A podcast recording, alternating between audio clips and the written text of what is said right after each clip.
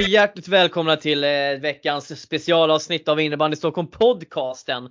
Och eh, det har blivit dags för en liten ja-special och det är väl kanske också med anledningen av den stora snackisen den här veckan och vi kommer komma tillbaka in på det och inleda eh, dagens avsnitt med det såklart. Men jag är inte själv, även om man ibland kanske kan tro att jag kanske skulle kunna vara själv också, så är jag väldigt glad över att ha en nu hemkommen Arvid Thulin tillbaka i podden. Hallå Arvid och eh, hur känns det att vara tillbaka hemma i Sverige? Eh, det känns jättebra att vara tillbaka i podden. Det känns mindre bra att vara tillbaka i Sverige. Det är ju väldigt kallt i det här landet just nu. Jag gick från 30 eh, grader till det här, vad det nu är, det hemska vädret. Så att ja, jag är lite i en minidepression just nu men det är kul att det är podd. Så då blir man lite gladare.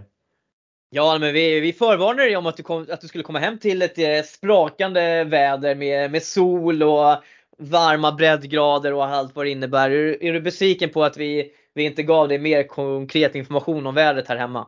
Ja, ja, jag är otroligt besviken. När jag öppnade den här utgången till Arlanda så blev det många svordomar snabbt där i min tjocktröja för jag frös ju väldigt mycket. Jag hade inte alls någon tanke på att en vinterjacka kan vara bra att ha.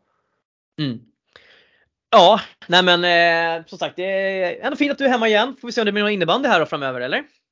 Ja, ja man, kanske, man kanske får göra några uppträdanden i H5 där. Kanske snitta 0,5 poäng per match. Så är man klar för ja, säsongen. Det, det, är ändå fint alltså. Det, det, det, ska, det är ändå, så det Ja, nej men det är klart du ska lira i H5, det tycker jag ändå. Elit 5 det är fint. Så länge man spelar.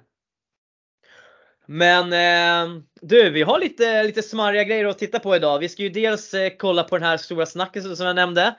Vi ska kika lite målvakter och sen köra en liten, det blir väl en liten kortare recap av serierna och sen så kör vi av vårt frågebatteri som vi brukar få av alla våra kära JAS-lyssnare. Hur låter det? Det låter som en väldigt bra upplägg. Jag tror att det här kommer bli ganska intressant avsnitt att lyssna på. Det är mycket som ska sägas. Mm, det är mycket som ska sägas. Eh, och vi går direkt in på det som alla vill höra och det är ju den här stora snackisen att vi har ju Vi har under den senaste tiden, vi har sett eh, Djurgården göra affärer, eller business helt enkelt, i, på JAS-marknaden. Om man ska säga det så. Det började med att man fick in Tobias Andersson Olofsson från Hammarby här efter några matcher in på serien. Och eh, nu har man även presenterat Elias Sonjoki och eh, Isak Valtin och Gustav Hellgren från alla tre från IFK Haninge. Och eh, det här är väl liksom inte så här uh, något konstigt men eh, det som är anmärkningsvärt med den här situationen det är alltså att Djurgården får in tre spelare från samma klubb, alltså från IFK Haninge, som spelar i samma kedja och det är deras första kedja, ska sägas. Från ett lag som alltså spelar i samma serie, men inte bara det, utan konkurrerar på exakt samma position i tabellen. Det i sig är ganska anmärkningsvärt. Vi har sett exempel på spelare som går från ett ja-slag till ett annan, men då har det oftast varit från till exempel i slutet av, av ja-säsongen när ett lag ska pusha för festen eller att då från ett lag som kanske är borta ur racet till något som är, som är med i racet helt enkelt. Och jag vet inte, innan vi går in liksom mer på detaljerna här Arvid, alltså, jag tycker det här i sig är ganska anmärkningsvärt. Alltså har du varit med och sett något liknande liksom under JAS-tiden? Vi har ju sett spelare gå till höger och vänster men det här är väl liksom ändå, det här är väldigt speciellt. Ja, Ja, vi har ju börjat kalla det lite internt skämt Farsta-modellen och det kommer jag ihåg när jag kommer ihåg att jag såg Kim Gulott gå till Farsta. Och det, är väl, det här är väl ungefär samma sak fast det är på en helt annan nivå. Att plocka tre spelare bara sådär från en konkurrerande klubb i första kedjan. Ja, jag har inte varit med om det, jag har inte hört något liknande eller varit med om något liknande. Att det är sån tydlig handplockning av spelare. Ska vi ta en liten, liten fotbollsreferens? Skulle vi kunna säga nu att Djurgården börjar se lite ut som eh, tyska ligans, fotbollsligans motsvarighet till Bayern München. Det vill säga man plockar spelare från de konkurrerande lagen för att stärka sitt egna för att samtidigt också då, då försvaga konkurrenterna. Ja, jag håller med och då kan vi också säga, ni som inte tittar eh, fotboll, den tyska ligan är skittråkig för det finns bara ett lag som har alla spelare. Ja, och de plockar från vilka lag de vill helt enkelt. Eh, för det är ju ändå så att vi ska, ska vi ändå titta liksom lite på Djurgårdens nyförvärvlista så har man ändå till exempel fått in man har fått in, eh, innan de här fyra fick man ju in eh, Tuselius också från Nacka, deras bästa kille. Man fick in Elias Eriksson eh, som har spelat i Huddinge till exempel. ja, Liam Radloff kom ju för, precis innan säsongen också såklart. Men nu också Charlie Munkhammar fick man in från Salem. Duktig 07 va? Och rykt, rykten, nu ska jag säga det här är bara rykten, det är ingenting bekräftat eller någonting. Det är att eh, Alfred Bergander och Harald Brännström är på väg in till Djurgården från Farsta också. Eh, så att ja, det börjar bli smockat i Djurgårdens trupp. Men eh, inte, vad säger du Arvid? Ska vi gå in lite kanske och berätta lite om eh, den här situationen och vad som har hänt då? Ja, jag tänker att det kan vara bra att göra lite återblick för jag tror inte alla är lika nördiga som oss och har koll på allting. Mm, ja men absolut. Eh, och eh, det finns mer bakom den här storyn än vad man kanske kan tro och eh, jag känner ändå att jag är jag är väldigt mycket emot sånt här när juniorer lämnar på det här sättet för olika till andra klubbar och för att man ska få träna och spela och moroten är att man ska få träna och spela med ett seniorlag redan nu när man fortfarande är junior. Man har hela sin innebandykarriär framför sig. Man behöver inte ha så bråttom. Och generellt så eh, ja, men jag, jag, tycker inte om de här bitarna helt enkelt och därför så vill jag vara tydlig, vill jag berätta om hur den här situationen har gått till för att jag tycker att det finns saker som är kunde hanterats bättre helt enkelt. Men eh, vi, tar det, vi tar det från början då. Jag har, alltså, jag har gjort en ändå ett ordentligt jobb. Jag har pratat med representanter från Haninge och jag har pratat med representanter från Djurgården. Eh, så att jag ska försöka göra en, ge en så samlad bild som möjligt av den här. Och jag vill bara påpeka att allt det som jag säger nu, det är objektivt, det är den informationen som jag har fått från motsvarande parter. Det är liksom inte mina egna åsikter nu som jag, som jag berättar utan jag berättar bara och formulerar det som jag har fått hittills. Så att ni behöver inte hänga mig om ni tror att med sprida lögner utan det här är bara information som jag har fått. Okej? Okay? Låter det bra Arvid? Ja, jag tycker att det låter som en väldigt bra start på sammanfattningen. Så jag håller med. Det låter väldigt bra. Alright. Det hela börjar då med att Eliasson Jocke eh, lämnar Haninge för DIF. Eh, och eh, gör väl det genom att, som jag förstår det, ja, men, tacka nej till kallelser och säga att han är sjuk. Eh, han åker istället och provtränar med Djurgården, eh, har en dialog med dem. Och eh, som jag förstår det så får han väl ett, ett bra upplägg som han tycker känns bra. Och um, Nummer ett så tycker jag som så här att man sjukanmäler sig inte och ja, nu blev det min egen åsikt ändå men jag tycker ändå att jag måste ändå flika in med det att man sjukanmäler sig inte för att åka provträna med andra lag. Var rättvis och snacka med din coach och tränare istället och säg bara på en gång att jag åker och kör. Men han gjorde rätt för sig i alla fall. Eh, för att eh, han pratade sen med Haninge efter den här situationen då, då och berättade att han hade varit och provtränat med dem. Och då framförde han som det största argument som jag förstår det var som att han skulle få möjlighet att få konkurrera om en plats i Djurgårdens herrlag och så spela med sin brorsa då, då som spelar i eh, Djurgårdens herrlag. Eh, och då där, av den anledningen så ville han gå.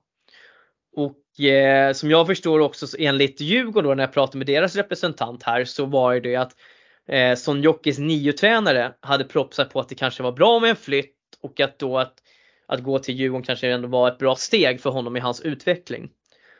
Eh, och som sagt, det här är bara information jag fått. Det behöver inte stämma eller inte. Det där får folk själva sen dementera om de vill. Men i alla fall. Eh, det finns också det här var ett rykte sen som dök upp och det var att eh, Son Jocke även har arbetat med en utav Djurgårdens ledare så att redan där så har det liksom börjat lägga liksom någon form utav eh, fiskande kring det där. Men det vill jag liksom, det kan jag inte bekräfta heller. Eh, och det får vara, alltså folk får göra sin egna tolkning av det. Det här är bara, det här är bara, det här är rykte obekräftad uppgift helt enkelt. Eh, som jag har fått eh, till mig i den här situationen. Så Son Jocke är klar. Och efter det då, då så som jag förstår det så har, har sportchef i Djurgården haft en dialog med Christian Norén, då, eller sportchef det är Roland, Pet, eh, Roland Pettersson då, då i Djurgården. Eh, haft en dialog med Christian Norén som var tränare i Haninge där han berättade om att okej, okay, ja, men Son Jocke vill komma över. Eh, och att det då, då har, enligt hon, Roland då så ska han ha nämnt till Christian Norén att det är två spelare eh, det är två spelare till som är intresserade av att gå till Djurgården i och med det här. Eh, och då är de två som sen senare har presenterats av Djurgården också. Vi kommer tillbaka till dem. Eh, när jag frågar Christian Norén om det här, om det här har sagts så säger ju han nej, det har inte gjorts. Utan det har inte framförts någonting om det här. Utan det frågan har varit snarare om det finns någonting eh, hos Sonjoki som gör att hans övergång inte kan gå igenom. Till exempel om han har en skuld eller har han betalat av allting som han ska göra. Men du vet de här bitarna helt enkelt. Men i alla fall, Sonjoki blir klar. Övergången klar. Bra, vi stryker honom härifrån. Okej? Okay? När det här sker så pratar Christian Norén som är tränare i Haninge med Isak Valtin och Gustav Hellgren som är hans kedjekamrater. Och där han undrar då, då kring, är ni på väg att lämna också? Båda de här två svarar nej. Och då börjar han ta en dialog kring hur, vem, som, vem vilken spelare som, som ska spela med de två. Vem ska bli tredje länken som ska passa med dem så att det ska funka. Ehm, och de grubblar lite på det, kommer fram till någonting eh, hit och dit. Och sen visar det sig då, då ändå att de har de, tar, de har en kontakt med Djurgården. Eh, jag tror att de var provtränare som jag förstod det som. Eh, och eh, ja, helt enkelt eh, kommer till, eh, till träningen då och vill snacka med eh, Christian Norén och Niklas Voxmark då som är tränaren i Haninge. Där de säger att de vill gå till Djurgården, alltså Isak Baltin och Gustav Hellgren för att de erbjuder en, en spännande helhetslösning eller vad man ska kalla det för, för dem. Eh, den här helhetslösningen består då i att de ska få spela JAS med, eh, med, eh, med Djurgården och träna där. De ska få träna med deras herrallsvenska trupp. De ska ha chans att spela med Nackas herrlag och även få spela då kanske eventuellt i herrtvåan med huvudstaden. Och i det här då, då, efter det här kommer fram så ringer då Haninges sportchef, eh, jag tror Joakim Andersson tror han heter, till Roland och frågar liksom vad det är som försiggår kring den här situationen och vill att spelarna liksom ska jag vet inte om det han ringde, om de, han pratade med Roland innan eller efter att spelarna hade kommit till tränarna. Men jag för, förstår det som att han framförde att de ska behöva prata då med, med Haning och förklara varför de här spelarna ska gå, vid, ska gå till Djurgården. Men kort och sagt i alla fall. Det här, det här då har, har man ju en dialog såklart eh, och eh, med de här spelarna och eh, sen finns det massa så små detaljer kring de här som man förundras över varför, hur det här beslutet kan komma till. Men jag frågar Roland om den här planen och det här som har erbjudits och han bekräftar ju att ja, de ska träna med herransvenska truppen och få göra det. Eh, och sen konkurrera om platser som alla andra såklart, för så är det alltid. Eh, de kommer kunna ha säkert möjlighet att spela i herrettan med Nacka. Men det här med huvudstaden, eh, det är det kommer inte hända. Det finns ingenting konkret i det. Och som jag förstår då så kopplingen varför just huvudstaden? Jo men det är ju så att Djurgårdens tränare Rolf Luntinen är har länge varit väldigt involverad i huvudstaden och är väl det fortfarande. Eh, så att då har väl antagligen då kanske smugit sig in att man har tagit in det som ett, liksom ett, som ett litet extra argument för att pusha för att visa upp den här lösningen då, då. Men det stämmer som sagt inte. Det ska inte bli huvudstaden överhuvudtaget. Och han säger ju det att de inte kan lovas någon speltid alls. Eh, och det är ju rimligt, det är ju så det ska vara. Eh, men det som han säger då är ju att de här, han, enligt honom då så har han sagt till spelarna att ni måste prata med Haninge och förklara situationen och att ni vill byta och dylikt. Och eh, ja, jag tänker vi tar en liten, jag tar en liten paus där. Vad, vad, vad känner du hittills när jag, i det här? Jag ska fortsätta men vad, vad känner du hittills? Jag känner väl att det är mycket missar i kommunikationen. Att det här hade egentligen kunnat varit ett Zoom-möte där man går igenom och där Djurgården ringer och säger men vi har, ett, vi har tre gubbar här som vi, som vi vill plocka in. De kommer från er Haninge. Hur ska vi lösa det här på bästa sätt? Hur ska vi göra den här övergången smidig? Alltså det, det är ett 20 minuters Zoom-samtal liksom. Ja, eh, och lite det, lite det temat blir det ju här för att eh, någonstans så, så här, värvningspolicyn riktar sig kanske mot ungdomar också men det är fortfarande så här när en spelare själv initierar och vill göra en övergång till en annan förening så, så är det så att den nya mottagande föreningen bör återkoppla till den förening som spelarna ska komma ifrån och fråga vad är det som sker? Speciellt då kanske när det sker på det här sättet. När det är samma spelare, samma förening, samma kedja och i samma tabellpositionsläge så tycker jag att Djurgården bör lyfta på luren och ringa och fråga Haninge vad är det som händer? Varför vill de komma till oss för? Eh, jag säger det här till Roland och Roland är helt och hållet med på det. Roland då är Djurgårdens sportchef. Är helt med på det här ja, det kunde, de har inte gjort det men de kunde ha gjort det för att förbättra situationen. Så där tycker jag ändå att han, han, han medger själv att de kunde ha skött den biten mycket bättre. Även om det inte syns så här, en policy är inte ett regelverk. Det är ingenting som säger att du ska göra på det här sättet. Utan det är mer som ett gentleman's agreement. Och det är det som kanske är problemet. Att det inte vi, kan är väl också, vi kan väl också säga att Djurgården har skrivit under det här gentleman's agreement. Så ja. De har ju också varit med, de har godkänt att det här är det någonting vi vill följa, någonting vi också strävar efter. Att vi liksom delar samma syn som Stockholms innebandyförbund också har. Och nu ja. egentligen så följer de inte den gentleman's agreement helt enkelt. Och jag pratade med Djurgårdens ordförande om det här också. Han är helt med. Han håller också med om att de ska följa det här. Så att, eh, och eh, ja, så att det finns liksom en plan. Men jag kanske kommer in på det lite sen. Men i alla fall, så Roland medger att de kunde ha gjort bättre, att de kunde ha skött situationen bättre. Jag passar ju då på att fråga honom också vad som ska, vad händer med de här spelarna som försvinner nu då? Eller inte försvinner men det är ju så här, när så här mycket nya spelare kommer in och vi pratar om ganska duktiga spelare som ska ta plats och få speltid, första femma killar etc. Vad händer med de andra spelarna som var där från början? Som började säsongen? Ja, de, säger, han säger ju det att nej, men det viktiga är att, liksom att man fångar upp dem, att de inte ska bli åsidosatta. Och det är bra att man har det i åtanke. Men frågan är hur det kommer funka i praktiken för jag tror att det är ganska svårt. För jag tror att det antagligen är, kan vara jobbigt för de här spelarna. Och sen så är det så här, när jag pratar med Djurgården, både med Roland och deras ordförande, så är det så här, jo men alltså vi är ju alltid liksom så här öppna med att vi släpper ju spelare som inte vill vara här. Eh, också, vi har spelare som har lämnat och det finns en ruljans. Absolut, det gör det för alla. Skillnaden här är att det är mitt under säsong och det är ganska annorlunda förutsättningar eller anmärkningsvärda förutsättningar mot vad, vad många andra övergångar är. Det är det som är problemet i, den här, på det här, i det här sättet. Eh, Roland säger ju att han pratade med Christian Norén om att de här spelarna skulle kunna vara intresserade av att gå över och eh, han tycker också att det kanske är svårt att hitta vem i Haninge man skulle prata med kring det här. Men det här uppfattat, har ju som sagt inte uppfattats av Norén att det här att Roland har sagt det här. Alltså att det är lite så här ord mot ord här och eh, en hel del kommunikationsmissar verkar det som. Ehm, men i alla fall. Så innan vi liksom går in på den här biten så vill jag bara liksom säga det här att snälla föreningar ute, se till att prata med varandra så att vi slipper de här onödiga diskussionerna. Det är jätteenkelt att om ni har spelare som kommer och provtränar hos er, lyft bara luren. Det är inte bara Djurgården och Haninge som, alltså all, ingen är fläckfri. Vi, ni, alltså föreningar och lag, ni måste sluta och lämna över allt ansvar till spelarna. Till juniorer i det här fallet. Ni måste lyssna, lyfta på luren och höra av er till den föreningen som de här spelarna tillhör. Och det handlar inte, även om liksom det, allting är bra liksom flyter på, så handlar det om respekt.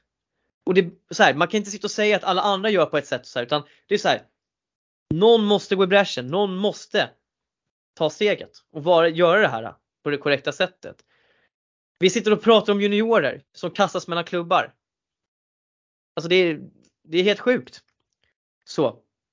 Jag vill, I alla fall. Jag, ja, jag vill även också ge en uppmaning till alla spelare att anmäl er inte sjuka och var bara öppen i kommunikationen. Alltså mycket inom innebandy handlar ju om kontakter. Du vill inte bränna kontakter med att du framstår som opolitlig och oseriös. Att du måste se till att ha god relation med tränare. Du vet aldrig vilken tränare som kommer vara i den klubben du vill spela. Du vet aldrig vem som sitter på sportchefsposten för den klubben du vill spela för. Så att var tydlig i kommunikation. Jag tror att det uppskattas mycket mer i klubbarna när man är ärlig med att jag vill inte spela längre, jag vill hit. Det, man kommer så mycket längre med det, öppna kommunikationen och ha så. Men framförallt så ger det också förening, den förening man tillhör en möjlighet att liksom ha en dialog och prata om okay, vad är det du känner inte fungerar, kan vi göra någonting för att du ska känna att det ska bli bättre liksom. Det är bara så här, det handlar liksom om en, det handlar om respekt i grund och botten. Det handlar om respekt. Och det är det jag känner i den här situationen att det finns otroligt mycket brist på respekt och kommunikation här. I alla fall. Och, eh, och jag ska säga så här, det är samma sak, alltså det går åt båda hållen. Alltså om Haninge tycker att Djurgården har agerat på ett oriktigt sätt från början, då kan det är jätteenkelt att bara dra iväg ett samtal till deras ordförande också. Och fråga alltså, vad är det som händer? För det hade inte, har inte Haninge heller gjort. Så det finns liksom ändå så här, Ja men det finns kommunikationsmissar från båda hållen. Det ska, måste man ju ändå vara, ska man vara ärlig med. Men i alla fall. Det som händer sen då, då och som vi går vidare i det här. Det är ju att eh, Djurgården har presenterat Isak Valtin och Gustav Hellgren. Men de har inte initierat en övergång för dem än. De är alltså inte klara för Djurgården. Och då är det så, här. Och det här är som, återigen, det här är inte det, det här är det som inte det som jag, det här är inte det jag har sagt utan jag återberättar vad det är jag fått till mig. Och det är som så här. att Djurgården hörde av sig till Haninge och undrade varför de inte kan, varför de inte kan göra övergången redan nu.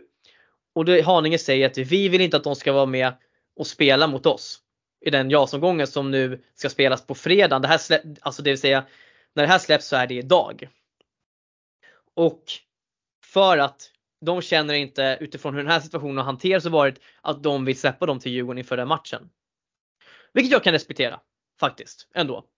Varpå representant från Djurgården menar på att okej, okay, men vi kan, det finns, vi kan ju skriva ett avtal där som säger att spelarna inte ska spela mot er. Och då är det så här. Som jag förstår det då så är det så här. Nummer ett, det finns inget sånt reglemente. Det finns inget sånt avtal du kan skriva. Så varför ens erbjuda en sån sak? Alltså vi pratar om juniorer. Det ska inte ens, vara, det ska inte ens behövas. Så här. Hade den här situationen skötts bra från början av både föreningar och spelare så hade vi kanske haft den övergången klar nu. Men det har alltså inte ens skickats in en övergång enligt den informationen som jag har fått. Och sen då, då så, ja men Haninge har stått på sig. Så de här spelarna är inte klara för, för Djurgården överhuvudtaget. Och det innebär att de just inte kan spela en match för Djurgården heller. Träna, absolut. Men det är ju som så här också. Så att nu kan de ju, de här spelarna kan ju ändra sig nu. Det kanske kan vara så. Tänk om eh, Haninge spö, spöar DIF ganska rejält imorgon. Ja, då kanske de vill vara kvar i Haninge plötsligt. Men så att jag menar. Det som jag menar här är att nummer ett. Djurgården, alltså ge inte, alltså varför ens prata om de här avtalen? Alltså ni kan inte förvänta er att Haninge ska gå med på sånt. alltså, och det, speciellt inte komma med sånt som inte finns. Och nummer två, för tusan. Hur kan ni lägga upp presentationer på spelare som inte är klara? Det är så hiskeligt respektlöst. Så det finns inte. Man presenterar spelare när de är klara för föreningen. Så enkelt är det. Det, där har ni summeringen av situationen. Det finns jättemycket mer saker i den här. Men det här är liksom objektivt det som jag har fått till mig, som jag känner att vi kan redogöra för, som finns. Helt enkelt. Så. Innan vi går in på punkt två i den här soppan Arvid. Nu, jag, nu har jag återberättat här. Vad, vad är din spontana tanke och reflektion? Uh, att Eh, att sånt här sker tror jag när det är en kombination mellan föreningar som verkligen vill vinna i ung ålder och spelare som är väldigt ivriga att få en viss status med att jag spelar för den här föreningen eller den här serien. Och att den här kombinationen blir lite att man använder sig av varandra lite. Så att det är en liten dålig spiral tycker jag. Att man inte har något tålamod eh, från spelares håll och att föreningar inte ser sina juniorserier som utvecklande utan de ser dem som resultatbaserade. Tyvärr. Ja, Eh, bra segway för att det är nämligen så här att i det här så har jag också passat på då att liksom undersöka lite framförallt då Djurgårdens situation. Och jag pratade med som sagt med deras eh, ordförande där och även med Roland. Och om man ska säga någonting om Djurgården så är det som så här. De har extremt svårt att starta upp ungdomslag. Och det är för att de inte får halvtider. Stockholms stad kan inte ge dem halvtider. Eh, inte fullstora, hallar med fullstora plan eller sarg etc. För det finns några reglemente hit och dit. Eh, så Djurgården är beroende av att man får, tar in spelare i juniorålder för att man ska kunna slussa upp dem till, här, här, till herrlaget. Djurgården har en uttalad målsättning med sin juniorverksamhet att de ska ta sig in till innebandyfesten och att den ska vara elitförberedande för deras herrlagsverksamhet. Och jag, så här, jag, det som, jobbet som Rickard Gustafsson har gjort i Djurgården i år är helt otroligt. Alltså han, förra året också. Alltså han ska ha all eloge för det. Och jag förstår att det kanske, att det kanske är Eh, en morot att se liksom hur de här unga killarna som han har tagit in verkligen har fått växa och du vet, ta plats och sånt där. Där har de gjort ett, ett, ett, ett jättebra jobb. Men hur många ska in där egentligen? Hur många ska vara med? Jag vet att de kanske har behövt fler folk på träning och dylikt. Men återigen, jag tycker som så här. Det ser ganska osnyggt ut ändå att ta in tre spelare, eller inte bara tre spelare utan så många spelare de har gjort från konkurrerande lag i samma serier. Under, alltså ändå och då ska vi säga så att de är ju inte nämnvärt bättre än några andra heller. Och sen ska vi säga så här, det ska vi vara tydliga med. Att det spelare har gått till Hammarby till exempel också, deras elitverksamhet där som de, kallar, som de har. Det är mycket spelare som går dit också, precis som det har gått till Djurgården. Så det är inget nytt, det är, Djurgården är inte ensam om den här biten. Men det är liksom så här. det är juniorer fortfarande. Alltså, det, jag, jag har svårt med det här, alla det här du vet akademilag och sånt där. Jag menar, sen kanske jag är för naiv liksom i de här bitarna men någonstans så känner jag att ska man underminera det är de här, det är så man, ska man ta upp alla spelarna från det, de lagen som ändå har utvecklat dem genom åren. Ja okej, okay. har man en filosofi att man kan göra det, gör det. Men se då till att vara transparenta, liksom öppna och liksom och kanske liksom bjud till att man får komma och se den verksamheten om, de ska, om man ska se sig själv som elitförberedande till exempel. Eh, jag skulle vilja säga om man, om man vill ha det epitetet Arvid, att man vill vara liksom en, en punkt, en, ett lag som man, folk ska komma till och som de gör idag. Då tycker jag att det kommer med lite ansvar också faktiskt. I det här fallet. Ja, jag håller med och jag känner väl också att det känns som att vissa lag vill få det lite mer som vi har i fotbollen med pojkallsvenskan och U19 och så. Där vi har akademilag som möter akademilag. Vi måste komma ihåg i innebandy så är vi inte här. Det är bara att titta i serierna hur ojämna de är. Att vi är just nu i alla jag-serier att man kan anmäla sig till dem. Och då blir det så här att då kan man inte bara plocka hur som helst. Vi är inte där. Serien är inte formad på det sättet att det är anpassat för akademilag. På det sättet. Nej men precis, jag menar tittar du liksom på den här JAS, är det Sveriges sämsta JAS-serie? Det säger jag varje gång och jag håller, vidhåller det. Men då har man, alltså, nu utarmar man liksom lag. På det sättet. För på ett sätt vet du så, det man, jag, jag håller med och det som Roland sa också, ja. Ska man konkurrera på innebandyfesten då behöver man ha bredd. Det är supertydligt, det håller jag helt och hållet med om. Men samtidigt är det som så här att är det viktigaste att vinna innebandyfesten eller att utveckla våra innebandyspelare? Jag kan tycka att det är klart man kan vinna. Man kan göra det genom att utveckla spelare och då är det som så här kanske att genom att inte ta massor med alla spelare från eller få in flera spelare från konkurrerande föreningar och i samma serier. Eh, även fast de vill komma till Djurgården så handlar det om att man försämrar konkurrensen. Det blir, helt, det blir färre bra matcher. Jag menar, titta på Nacka till exempel. De tappade sin bästa spelare, en av sina bästa spelare och det är väl någon till som har, som har försvunnit där. Det är klart att det försämrar konkurrensen för de andra lagen. Du får ju inte de här tajta matcherna och där det ställs, där det ställs frågor till dig och ditt spel och ditt försvar på något sätt. Alltså det förstör ju mycket. Um, men ja, i alla fall. Och sen kan jag känna som så här att de, de här spelarna som, som går nu. Det finns ingenting som säger att de kommer få spela herrettan. Eller, eller köra, vad heter det, herrallsvenskan de hade ändå liksom en bra roll här, visst det är H4 men ändå liksom så här en framträdande roll i JAS, en bra roll i H4.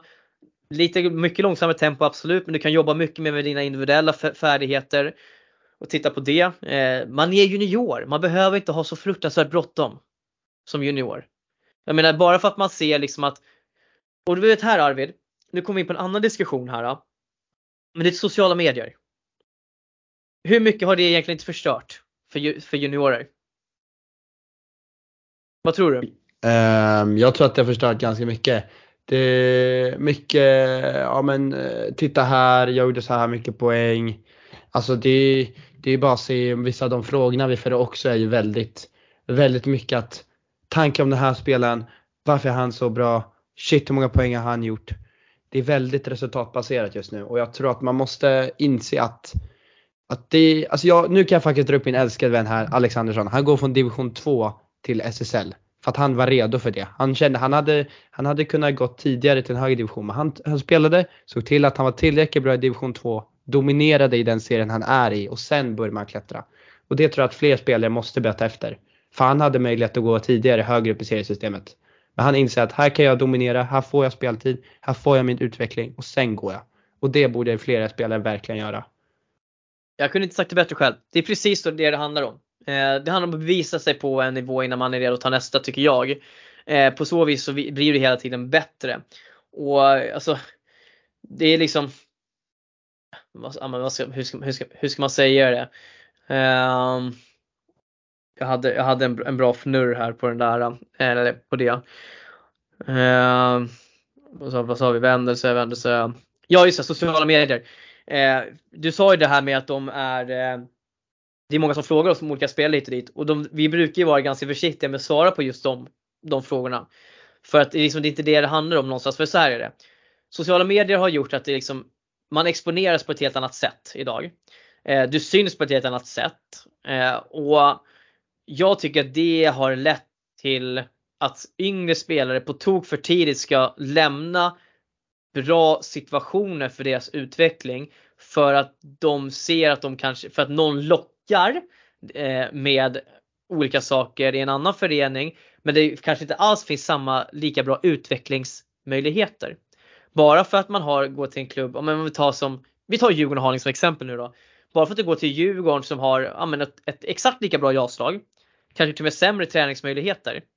Men du har ett, här, ett seniorlag som spelar i herrallsvenskan där du kanske kan få riktigt bra tempo på träning. Jämfört med att träna med ett H4-gäng nere liksom i, i Haninge. Ja men absolut, det kan väl vara en skillnad. Men samtidigt är du inte redo för det tempot som allsvenskan kommer att bringa. Då blir det ändå ganska tufft att ta det där steget. Och vad är det som säger att man är mogen att göra det redan som en 05? Visst, man är 18 år, men det är ingenting som säger att du behöver ta det steget nu. Och ska jag vara helt ärlig så jag tycker inte att alla de här, har, de här tre kanske har visat fulla framfötter i herrfyran till exempel än. Eller ens herrtrean. Så att det är så här. Ja, vad är det bästa för utvecklingen? Ja, jag, jag tycker att sociala medier förstör väldigt mycket för yngre spelare och gör att de tar dåliga beslut.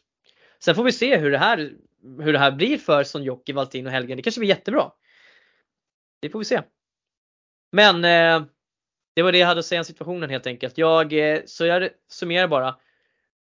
Mycket av problemen i den här situationen och soppan hade kunnat undvikas med om man bara hade haft lite mer respekt för varandra och lite bättre kommunikation med varandra. Det, ibland är det det, som, det lilla som behövs. Ett, ett, ett telefonsamtal kan ibland göra skillnaden. Ja. Men vad säger du Arvid? Ska vi rulla vidare till lite roligare saker? Vi rullar vidare.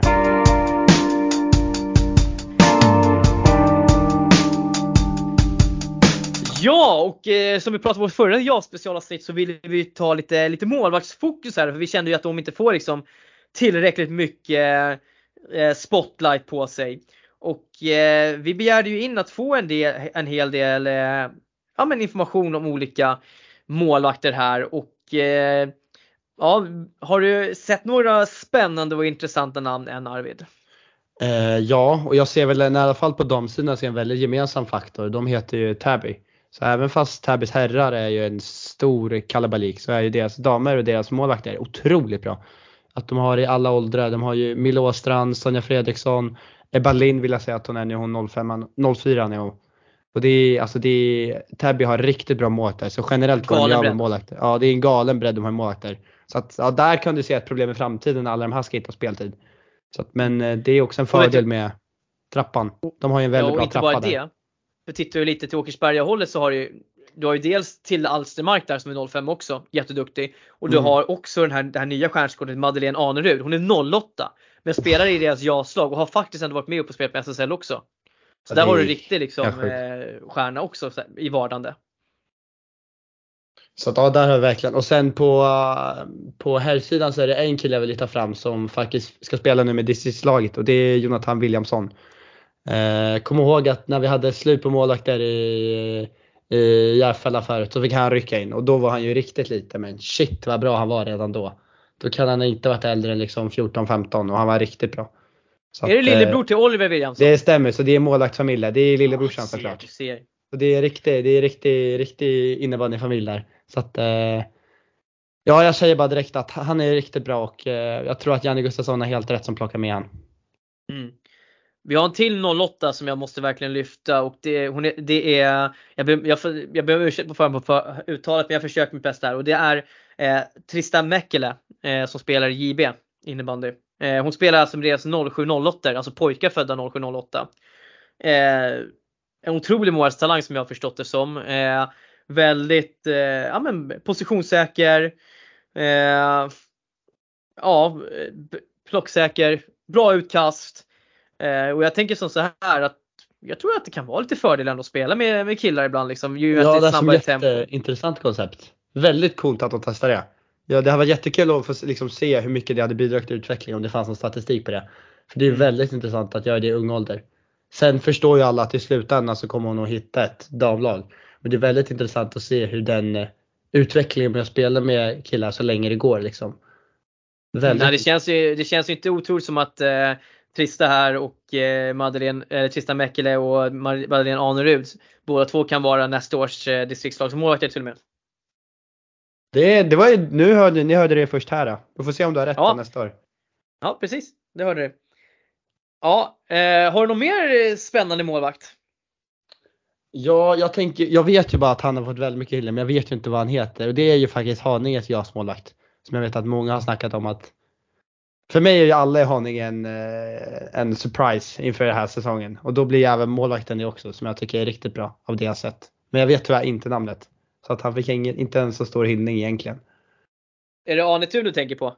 Ja, där har jag Ja, Där har jag. Riktigt, riktigt bra gubbe. Riktigt bra målvakt kan jag säga. Han, eh, alltså man säger så här, Haninge, de har det ganska bra ställt för de har ju Arne Thun där som första målvakt. Han har varit riktigt, riktigt bra för dem i år och grymt viktig. Eh, men de har också sen en kille som heter Vincent Onka, eh, nu ska vi se vad man säger, Onkamo bakom honom. Eh, som är också riktigt duktig, som är ja, men en talang. Så de har, han har ju, får ju stå i deras H1 matcher emellanåt liksom och gör ett jättefint jobb där som jag har förstått det. Fått lite, lite inside där på den också. Och, så att Haninge har ändå ett, rikt, ett väldigt spännande målvaktspar. Ja, och jag, jag blir bara generellt mer imponerad av målvakter för jag tycker att i alla fall på ungdomssidan tycker jag att det läggs alldeles för lite fokus för, för individuell träning på målvakter. Så att, eh, att bli riktigt bra som målvakt är mycket svårare än vad folk tror. Det, det är mycket disciplin själv och jag vet att det är mycket ditt egna driv av att vilja utvecklas. Du får inte alltid de här övningarna automatiskt till det. Det är mycket eget driv. Så stor respekt till alla de här målsalangerna för det här är inte enkelt att vara målvakt. Mm. Eh, ja, eh, sen så har vi ja, men lite klassiskt, lite bra mål, mål som vi vet är bra. Tänker Dante Waller till exempel i, eh, i eh, Hammarby. Vi vet han är, han är jäkligt bra också. Eh, sen så vi har ju nämnt henne jättemånga gånger, men Josefin Svensson går ju från klarhet till klarhet just nu i Huddinge. Både i JASen och damallsvenskan. Sen har vi Edvin Stenman, Djurgårdens JAS-målvakt. Också duktig kille, talangfull. Också målvaktsfamilj för att eh, storebror William spelar ju mål, andra målvakt där i Djurgårdens herrlag. Och eh, mellanbrodern David Stenman, han har ju faktiskt också spelat i Djurgården eh, tidigare. Och men spelar ju nu målvakt i huvudstaden. Så det är en riktig målvaktsfamilj där också. Ehm, sen en annan mål som jag tycker vi ska hylla, det är Oskar Rosendal i RA19. Också riktigt bra. Ja, om om jag inte har fel så tror jag att, eh, att de har släppt in 25 mål när jag kollade senast. Då, då, då vet man att då är det en bra målvakt. Som Ja, står där. speciellt på, på juniornivå där det är mycket Exakt. offens, Där mycket, är mer fri och mycket fläkt. fram och tillbaka. Så shit, riktigt imponerande. Mm. Ja, verkligen. Eh, ja, eh, vi, vi har fått in eh, mer info där, om, mer hyllning till Trista eh, också här. Och du, du nämnde Mila Åstrand, många hyllar henne som eh, Stockholms guldmålvakt här nu i SM. Blir nog pappa Niklas glad över att få höra också. Eh, så tycker jag en riktig dark horse, det är Oliver Corell i Lidingö. Också, alltså visst Lidingö kanske släpper in här och där men han, han har varit riktigt viktig för dem. Som jag förstår många tillskriver honom eh, framförallt förra årets playoff-plats till honom och att han var så fruktansvärt bra i målet. Så det kanske också är en gubbe som vi kanske får se ja, i DIF snart. Helt ärligt. Alltså, det finns ju ändå en koppling där mellan Lidingö och DIF och har gjort det genom åren. Ska sägas. Många spelare som gått däremellan. Ja, och, och jag känner också att jag, var, jag vet ju att eh, Jeffel Bele nu i sitt H2-lag kör med två 05 Vilket jag var, jag var lite skeptisk till det inför säsongen.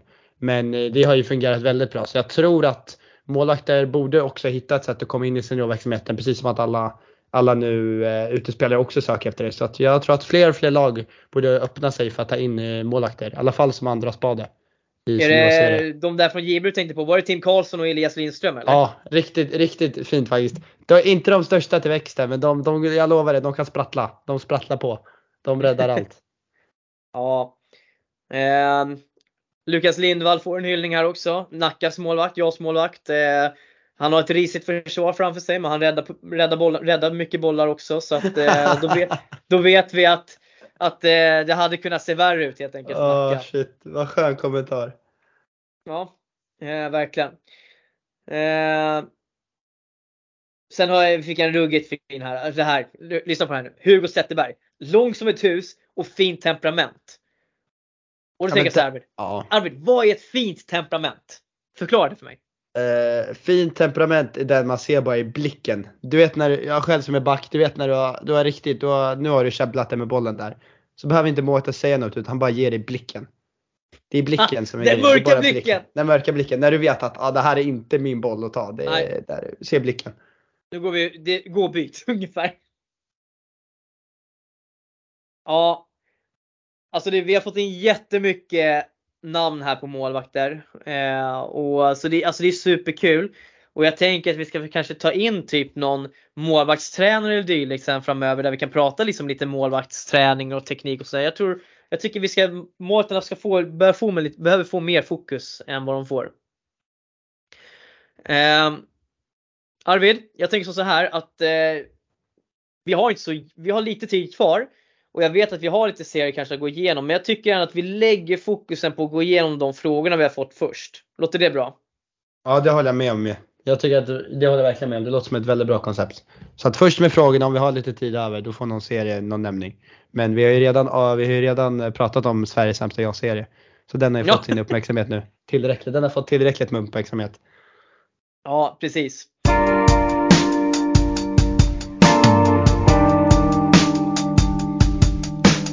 Vi börjar lite lätt då Arvid. Vad tror vi om eh, Täby mot Väsby? I Arsen. Uh, Täby vinner. Där var du säker, där var du stensäker. Ja. Ja. Det är två lag med, om du frågar mig, väldigt bra spets med inte bredden. Så det är frågan vilken av spetsen som är bäst för dagen. Ja, nej men eh, fair enough, fair enough. Det, jag ska inte säga emot det. Eh, ja, eh, och eh, vi går vidare då. ja, eh, här får vi en fråga på temat vi har pratat om tidigare idag. Eh, vad tycker ni om värvningar som JAS-lagen gör? Eh, om det är rätt av Haninge att inte skriva under? Och då säger jag Eh. så här. Att så här, alltså gör massor med värvningar under säsong tycker jag egentligen bara är jag tycker man kan göra sitt värvningsarbete av spelare mellan säsongerna och sen kör man på den truppen man har för att jobba med den gruppen man har rent utvecklingsmässigt sett också. För att när man håller på att ta byter, när spelare byter föreningar på det här sättet under säsongen, speciellt i den här åldern. Ja men det är klart att det blir liksom lite annorlunda och speciellt. Det blir lite ändrad dynamik och dylikt. Eh, så att, eh, men just med tanke på hur den här situationen har hanterats och skötts men det är ju i Haninge så tycker jag, mellan Haninge och Djurgården så tycker jag helt rätt att Haninge håller på de här övergångarna tills matchen mot dem är spelad. Och det, och det kan jag säga, och jag hade gjort det enbart för att man har presenterat spelarna innan de ens är klara. Bara det hade gjort att jag hade velat hålla den. Kan jag. Ja, jag känner också att spelare måste också acceptera att nu har jag signat upp mig för att spela med det här laget den här säsongen. Att man kan inte bara byta för att resultaten går dåligt. Att du har gjort en förpliktelse mot det här laget att du ska hjälpa till i den här serien. Då ska du slutföra det också. Att det, det är väldigt Ja, mycket att nu går det, nu går det dåligt. dåligt. Det är det. Nej jag vet, de nu, har det gått, nu har det gått bra. Men oavsett att det är väldigt mycket hoppande. Att nu har du liksom gjort en förpliktelse till ett lag. Du kan inte bara hoppa hur som helst. Jag gillar inte att man kan byta mitt i serien. Ja, nej men precis. Eh, då ska vi se, då tar vi nästa. Vil, vilka, kom, vilka kommer på plats eh, fyra i JAS E? Då kommer vi tillbaka till JAS E Arvid, din, din favorit JAS-serie. Ja. Ja, det är, det är en bra fråga vilka som tar den då. Uh, vilka är på fjärde plats nu? Det, är det Värmdö kanske? Ja, det är Nacka, Värmdö, Älvsjö, Farsta, Nynäs, Ingarö just nu i den serien. Eh, Nacka går ju bra, men alltså det, det är klart att det Jag tycker ju att Älvsjö kanske borde haft en bra chans där, men det är Fan, jag tror ändå att Värmdö spets kommer att göra att de eh, tar den där fjärde platsen ändå. Ja, men jag håller nog faktiskt med. Det tyckte jag var en bra resonemang. Så behöver inte jag utveckla mig mera. Så kan jag bara sno ditt och säga att jag Ja håller just med. det, fan du svarade på skiten åt det också. Ja, det hade du tur! Ja, jag, jag håller med, jag håller med.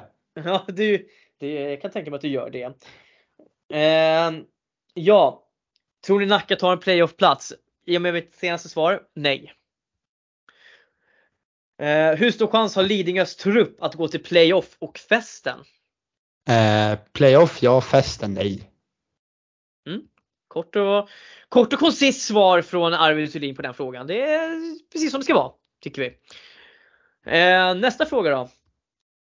Kamikaze-tips. Vilka går till festen? Eh, oj, hur många, är det, hur många lag kan en ens gå? Det vet jag inte ens.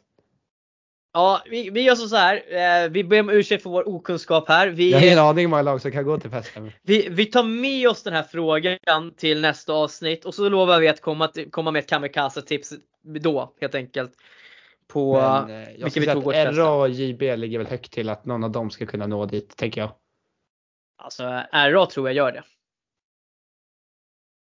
Så att någon av de två tror jag i alla fall. eh, I alla fall en från Stockholm kommer nog ta sig in med festen. Jag tror att det kommer vara någon av dem.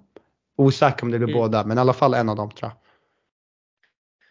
Ja, eh, nästa fråga. Arvid, är Hässelby största JAS-floppen i år? Eh, nej, det är de inte. Men jag kommer inte på någon som är större jazzlopp. Nej, men jag tycker att Alltså jag tycker att Hässelby har en riktigt bra trupp. Alltså Lopez, Aronsson, Adamasu, Dahlström. Det är riktigt bra spelare om, ni inte, man inte har sett dem spela. Det är riktigt bra spelare. Men eh, ja, det kanske det är nu när jag tänker efter. Det, gam- det, kan, det kan inte vara, det kan inte vara det. Alltså titta jag på kommer den här någon. Jag kommer inte på någon. Det är, jag tror att det är för att eh, om det hade varit i en annan form av serie, ja. Eh, men jag kan säga att Hässelby hade inte legat där de ligger i grupp E till exempel. Nej, Så då hade de måste- varit det eh, måste ett man- eller tvåa. Ja, så det måste man ha förståelse för att jag vill inte säga att det är, ett, det är en floppplacering men det är inga flopplag. Alltså det är inget dåligt lag. De hade satt, ja. Det är det. Nej, men det, är, det är ju en extremt tuff, eh, tuff eh, grupp. Alltså så är det ju. Eh, har AIK bäst chans att nå långt i festen? Nej, det har de inte. nej, jag tycker nej, att det är RA. nej. AIK kommer inte Eh, nå festen. Precis. Du, du, du, du med så. Eh, den här är jag lite sugen på att se om du har gjort. Drömfemma, coacher inkluderat. Eh, ja, ja, så kan jag nog komma, ihåg, komma på en i alla fall. Jag kan nog göra en. Ja, Eh, kör. I mål så tar jag då Sonja Fredriksson. Mm. som jag tycker är riktigt bra. Eh, sen vill jag ha på eh, vänsterback vill jag ha Adamasu för att ja, jag vill ha någon som kan hålla boll och han kan ju hålla boll i evigheter. Det är totalt omöjligt att ta bollen från den här personen. Han är provocerande lugn också på plan. Man blir provocerad när man ser han spela. Sen väljer jag även att plocka Vem ska man ha då? Nej men jag tar Esmeralda Hedstål på backen faktiskt. Oh, kul! Ja, Ja, jag tar en på backen. Ehm, Mm. Så ska vi se. Sen ehm, så vill jag ha Tau, alltså Tobias Andersson Olofsson, tror jag att han heter. ja. Han vill ha, jag tycker han är riktigt fin. Um, jag ska ha mera. Sen vill jag ta fram en liten otippad och det är eh, Simon Tors. Mm. Om man inte vet vem Simon Tors är, det är, det är inte den eh, typiska innebandyspelaren men det är riktigt tvåvägsspelare. Så han behövs verkligen i ett lag. Eh, och så vill jag avsluta med någon riktigt bra. Och då avslutar jag med en av uh, Malmborg-tvillingarna. Malmberg-tvillingarna i Huddinge. Jag spelar inte så stor roll vilken, de är lika bra typ. Du kan ta vilken som. Mm. Ja, det får du stå för. Eh, vem ska du ha som coach då? du har lite. Eh, coach får väl bli eh, vem nu den nu är som coachar RA. Alltså, jag vet inte vad det är men den förtjänar jag all eloge. Vilken jäkla, vilken jäkla lag. Eh, Svagt. Ja, Svagt, det är svagt riktigt svag femma. Det är riktigt svag femma. Alright. Eh, ska jag dra min sexa då? Ja, dra din sexan. Jag hoppas den är bättre än min. För det här var ju nog mitt sämsta inslag hittills i den här podden. Alright. Det, det här är en brutal femma kan jag säga. Är, och jag vet, jag har med två centrar men eh, den ena får på, eh, ena får på kanten. Men i alla fall. I mål! Från IFK Haninge, Lukas Arnetun. Jag ber om ursäkt för uttal. Från RA19 på backsida, Joel Lundell. Från AIK IBF, Alex Andersson. På kanten, ena forwardskanten, från Täby FC, Engla Helmersson. På andra kanten tar vi från Täby FC, Hanna Löv. Och i mitten, från RA19, 19, William Kristoffersen. Coach! Självfallet så ska jag själv coacha det här drömgänget. Bam, där har du det. Mitt lag hade fått råspö av det där laget. Det kan jag säga. Shit vilket lag. Ja du gick ju all in där. Ja. Jävlar, ja, den här är, ja. den Nej, här men jag, ska, jag ska ändå försvara min femma men jag har en känsla av att vi hade nog inte vunnit den matchen. Nej, det är, det är en eh, fantastisk kompone, komp, komponent här och så här, skulle jag skulle jag vilja så ja, men då kan jag ju plocka av eh, Anne Thun i, eh, i kassen kanske. Ja, men då kanske man kan slänga in typ eh, ja, men en eh, vad ska jag säga, en eh, Teddy Luca kanske. Oh. Det hade varit fint. Ja, där fick ni i alla fall två En till fin rightare. Vad sa du? En till fin rightare. Ja, det är viktigt. Det är viktigt. Eh, om ni skulle tippa om JAS-grupp EH i 18, vad skulle ni ändra? Eh, vi tar så här, vi, Arvid, vi gör så här. Till nästa JAS-special så tippar vi om grupperna och vilka som går till playoff helt enkelt. Oh, ja, det tycker jag låter som ett jättebra förslag. Ja. Eh, vi har fått fler eh, frågor så här, men DIF tar spelare mitt i säsongen, tankar om det. Jag tycker vi har redogjort för våra tankar kring det. Eh, ta gärna upp ämnet kring lagbyten under säsongen, för och nackdelar för klubbspelare. Eh, alltså jag tycker vi har varit inne lite på det där, men man ska summera det kort. Fördelar, visst. Spelare får gå kanske till ställen där man tror att man har bättre förutsättningar egentligen och det är väl det det handlar om. Eh, för de här juniorerna eller i den här åldern så är det viktigt ändå att man har stabilitet. Eh, I och med att man går i skola och vissa ska ta studenten i år och allt vad det är för något. Ehm, men alltså egentligen tycker jag så här bara att det finns mycket mer. Jag tycker bara att det finns. Jag tycker bara egentligen att det finns en hel del nackdelar för att jag tycker inte att man som junior behöver gå så här tidigt. Jag tycker det är viktigt att man ser till att, få, att ha en bra tillvaro så att du kan få plugget gjort. Du kan träna ordentligt.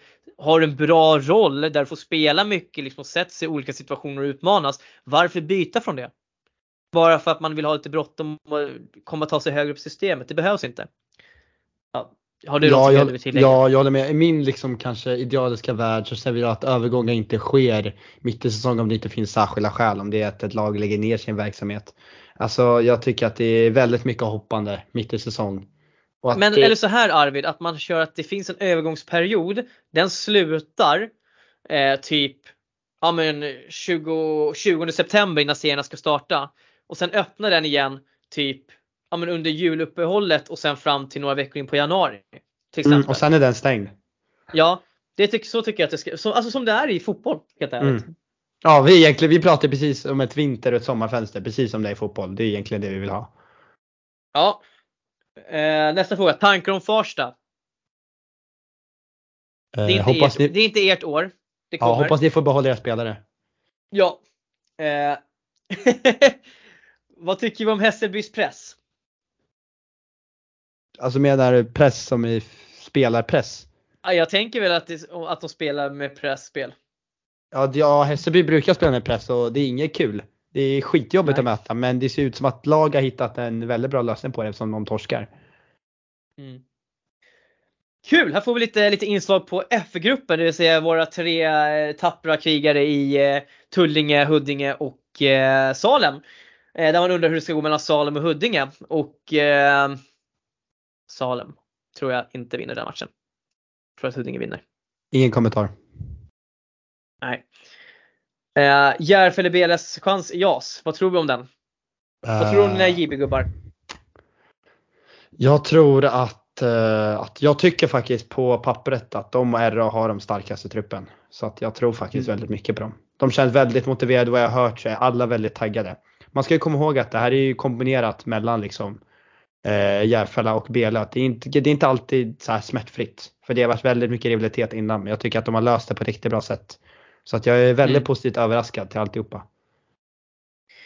Ja, men det var frågorna hörru. Eh, jag tänker att vi bara tar en liten snabb blick här på ja-serierna. Eh, jag tänker att om vi börjar med D2 då, då i ordningen. Så här, jag kommer inte prata någonting om E1. Vi har redan pratat om det tillräckligt nu känner jag. Men tittar vi på D2 då, då så vi nämnde det, Hässelby ligger längst ner där på sjätte platsen men det är en jätte, fortsatt jämn tabell. Alla möjligheter finns att vända den där säsongen. Eh, BL, JB leder och AIK är för tillfället över strecket som tvåa. Kommer ihåg när vi spelade senast? Då låg de sist. så att, det är lite där som vi sa då att eh, det kan svänga snabbt i den här serien. Ja, väldigt otippad serie. Det är väldigt svårt att hänga med liksom. Det byts fram och tillbaka i tabellerna. Mm. Uh, I D1 så är det ju med tydlighet att uh, det står mellan Rosersberg, uh, Arlanda och Vackers som de kallar sig. och Ja. Eh, Vackert. Ja men det, de kallar sig ju för det. Vad Jag gillar det ändå. Jag gillar det, jag gillar det. Det var kul att Ja. de hittade på något eget. Vackert. Ja, ja, ja, Forza absolut. vackert. Men frågan är om det är eget. Det är det, är det vi ska eh, det är oklart. Eh, Men i alla fall, RA solklar etta, kommer inte att ske, bli någonting annat där. Alla lag, andra lag ligger på minusmålskillnad i den här serien. Det, men det är så att det visar väl också på skillnaderna mellan de här två divisionerna. Och jag tycker inte, jag måste skicka med en brasklapp till förbundet att det är helt otroligt att man har splittrat på de här på det här sättet ändå. Att man inte kunde splittra, alltså att det har blivit så här. Men man kanske räknade med att Sirius och Saga skulle vara mycket starkare, vilket vi trodde också på förhand. Du har koll på det eller? Men du, alltså har förbundet liksom, de försöker placera serier baserat på vad de förutspår? Alltså jag tänkte att det var Ja, bara alltså de, de, sätt- nej, de sitter och placerar dem utifrån geografisk eh, ordning så att det ska Okej. vara rimliga resor. För det är Ja, klart för- att det är lättare för Sirius och Saga att ta sig till, till eh, framförallt Väsby, Sollentuna och Rosersberg. Alltså det ska man, måste man ändå vara tydlig med liksom. Ja, men Järfälla åker ändå till Sirius och möter dem i Uppsala. Ja men fan det är ju för att de här serierna, man möter ju enkelmöten med de här lagen i den andra serien så det är inte så konstigt. Eh, E, eh, serien får, eh, ja, ni får, ni har fått, ni har fått er beskärda del helt enkelt. Vi, vi kikar lite tjejer måste vi, måste vi ändå göra. Fan förlåt det där lät jättefel men vi, vi ska titta vad som har hänt i JAS, eh, de juniorgrupperna här. Och eh, vi kan väl börja med det då. då eh, där vi faktiskt ändå har eh, Täby som åkt på sin första förlust mot Sirius. Ett eh, Täby som eh, inte hade med sig sin första femma som spelade damallsvenska samtidigt. Och eh, ska, har vi frågetecken för Täbys bredd här då? Eh, nej, det vill jag inte säga att man har. Nej. det är lite som att säga om Manchester City skulle förlora Manchester United för att de saknar sina fem bästa spelare. Det gör ju inte resten till dåliga spelare. Det gör det absolut. Jag skojar, jag skojar bara. Så att nej, nej Täby är ett Nej. helt klart väldigt brett och väldigt bra lag. Ja, jag hör dig. Eh, vi ser ett Järfäll JB som ändå har börjat lyfta sig lite i tabellen igen.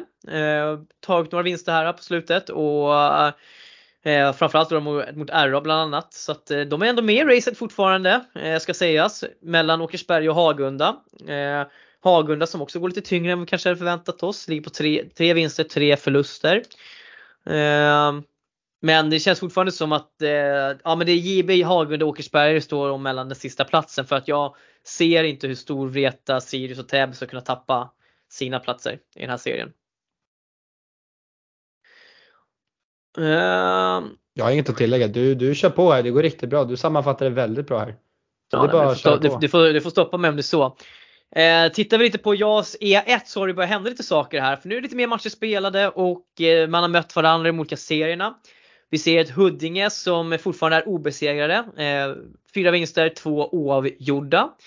Och eh, de slog Onyx här senast med 7-2. Starkt styrke, styrkebesked tycker jag. Eh, Tyresö som vi eh, tror mycket på ligger under strecket just nu. Två poäng bakom Värmdö. Eh, ett Värmdö-Nacka som faktiskt ändå eh, går förvånansvärt bra som slog Tyresö också ska sägas den 11 november. Vilket i sig var riktigt snyggt. Eh, så att eh, ett eh, ja, ju, tidigt eh, eller 6-3 underläge för eh, Tyresö mot eh, Nacka där på hemmaplan också. Och eh, ja, eh, är lite i gungning helt enkelt. Uh, ja, nej men kik, annars så Sköndal fortsatt förankrad i botten, 0 poäng. Det är inte så konstigt när man har brandskattat hela det laget i TT. Uh, ehm, de kämpar på det de kan där. Älvsjö såklart också med fortsatt i leken och vill vara med och leka om en playoffplats. Det ska, ska de göra tycker jag. Ska vi kika lite på E2 då? då? Shit, alltså det är, jag ber om ursäkt om alla tycker att jag är speedad här nu men ja, jag, jag vill ändå leda göra lite för lite tankar. Sen Det- har vi då eh, den andra E2-serien och här ser man ju att det finns en skillnad på E1 och E2 för att Salem är fortsatt solklar etta. Tullinge som var solklar tvåa har nu halkat ner under strecket efter att ha torskat en del matcher med ett gäng bollar mot de andra lagen från E1. Alltså ligger på en fjärde plats nu under Nykvarn. Så att eh, ja, eh, Nykvarn spöade ju Sköndal bland annat, annat och eh, det var väl det som gjorde att de klev om. Så att eh, jag tror fortfarande att Tullinge kommer ta den här sista platsen. ändå. Ja, Här, ja, det ska även sägas, som inte jag har fel, så vann alltså Älvsjö från andra serien över Salem. Så det kan ju också visa lite på nivåskillnaden mellan serierna. Ja, ganska rejält också. Det var en 2-7 till och med till Älvsjö. Ja, så att det säger väl nog lite att det är en liten nivåskillnad mellan de här jag-serierna. Jag, kan inte, Ja. jag har inte hundra på koll på lagen, men det ger mig i alla fall en liten indikation på var Ja. nivån ligger. Verkligen. Men eh, Arvid, det är nog dags att eh, stänga lådan för idag.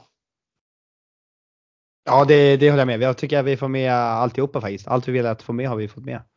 Ja, och som sagt, jag vill återigen bedyra och förtydliga det här med Djurgårdssituationen att majoriteten av det som jag har sagt är, eller nästan till allt, är information som jag har fått till mig och som folk har sagt när jag har frågat och ringt och frågat. Så, och jag tänker så här, ja, jag tycker absolut att Djurgården har, har agerat på ett, eh, på ett väldigt konstigt och i vissa situationer felaktigt sätt här. Eh, samtidigt så tycker jag också att kanske Haninge hade kunnat vara med, pusha mer på ordförande och dylikt att okej okay, men varför har det här skett? Men jag kan också förstå att man agerar som man har gjort från deras håll.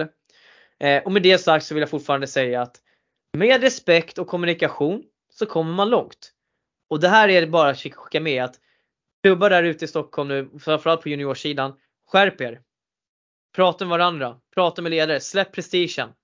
Visa respekt gentemot varandra för att i någonstans så handlar det om våra spelares bästa.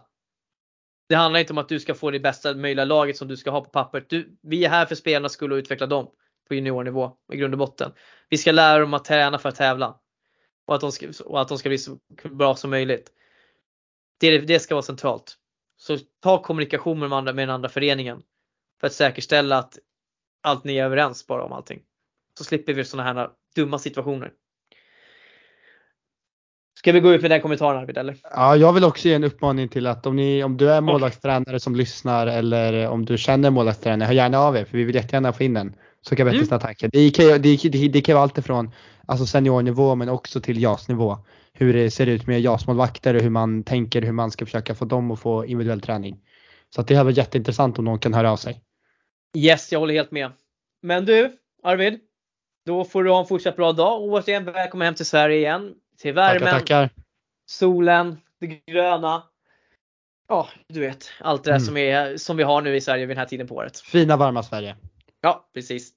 Ja, och till alla våra lyssnare, eh, återigen 3000 följare på Instagram. Jag är otroligt tacksam och glad för det. Eh, och stort tack för att ni hänger med oss helt enkelt och lyssnar på våra, våra bravader. Både, som, eh, både bra och dåligt. Och tills nästa avsnitt så hej då! Tja då!